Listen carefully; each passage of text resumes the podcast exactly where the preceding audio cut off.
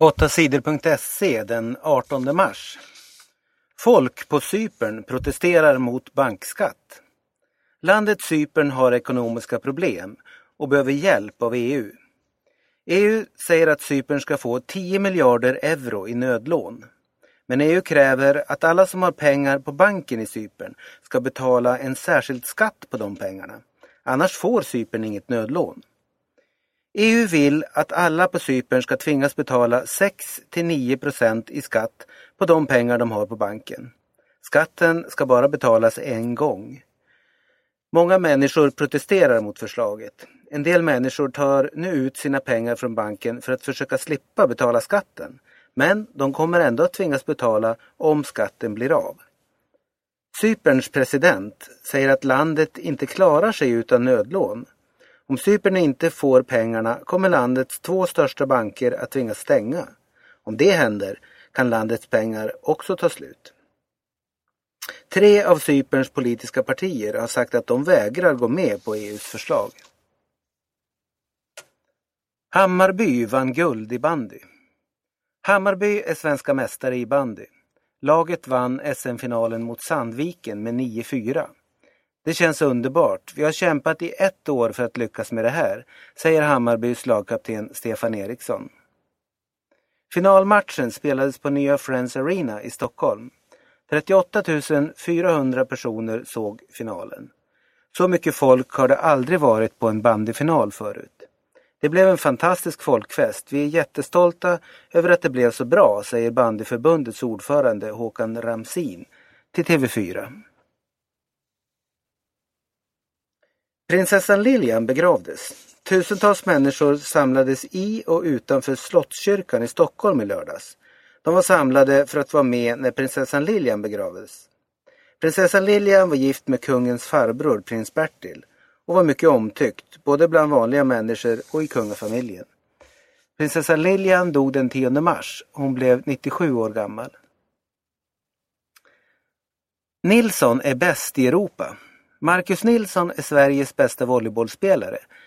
Nu är han bäst i Europa också. Marcus Nilsson vann i helgen Champions League med sitt ryska lag Lokomotiv. Lokomotiv vann finalen mot Queno från Italien med 4-2 i set. Marcus Nilsson gjorde många poäng och fick pris som finalens bästa spelare. Sju flickor har polisanmält 44-åringen. En 13-årig flicka i Kumla blev påkörd av tåget och dog förra helgen. Poliserna tror att flickan tog livet av sig. I fredags grep poliserna en 44-årig man. Han är misstänkt för sexbrott mot flickan. Poliserna säger att mannen tagit bilder av flickan naken. Han ska ha hotat att lägga ut bilderna på internet. Mannen har blivit polisanmäld för liknande brott mot flera andra unga flickor. Sju flickor har polisanmält honom. När han pratat med unga tjejer på internet har han låtsats vara 16 år gammal. Mannen häktades i fredags. Turist våldtagen i Indien. En kvinna från Schweiz blev våldtagen av sex män i Indien i fredags. Kvinnan var på cykelsemester tillsammans med sin man. De hade stannat för att sova när de blev överfallna. Männen överföll paret, tog deras pengar och våldtog kvinnan. Poliserna har gripit sex män. Fem av dem har erkänt att de våldtog kvinnan. På söndagen sa en polis i området att turisterna borde ha tagit reda på att de reste i ett farligt område. Han säger att paret stannade på en farlig plats och delvis får skylla sig själva. Ingen stannar där. Det är ingen säker plats.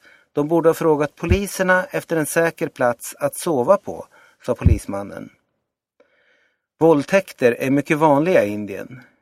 Kvinnor är inte trygga i Indien. Poliserna kan inte skydda kvinnor någonstans, säger Nerja Alavat som arbetar för bättre skydd för kvinnor.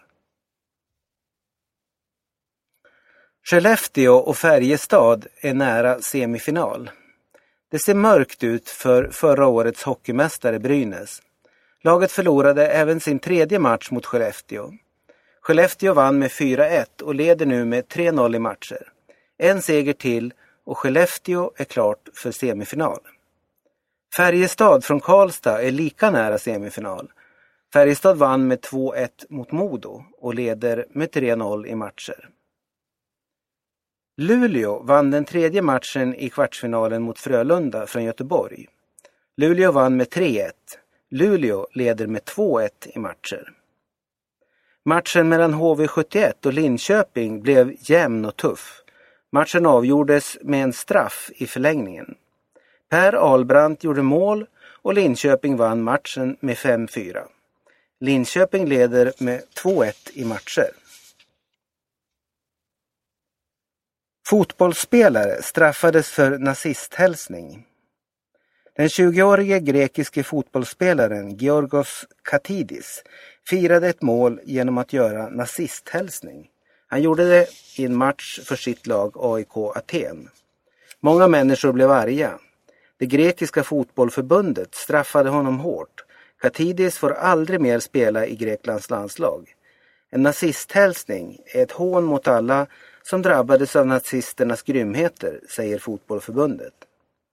Georgios Katidis säger att han inte visste vad hälsningen med den utsträckta armen betydde.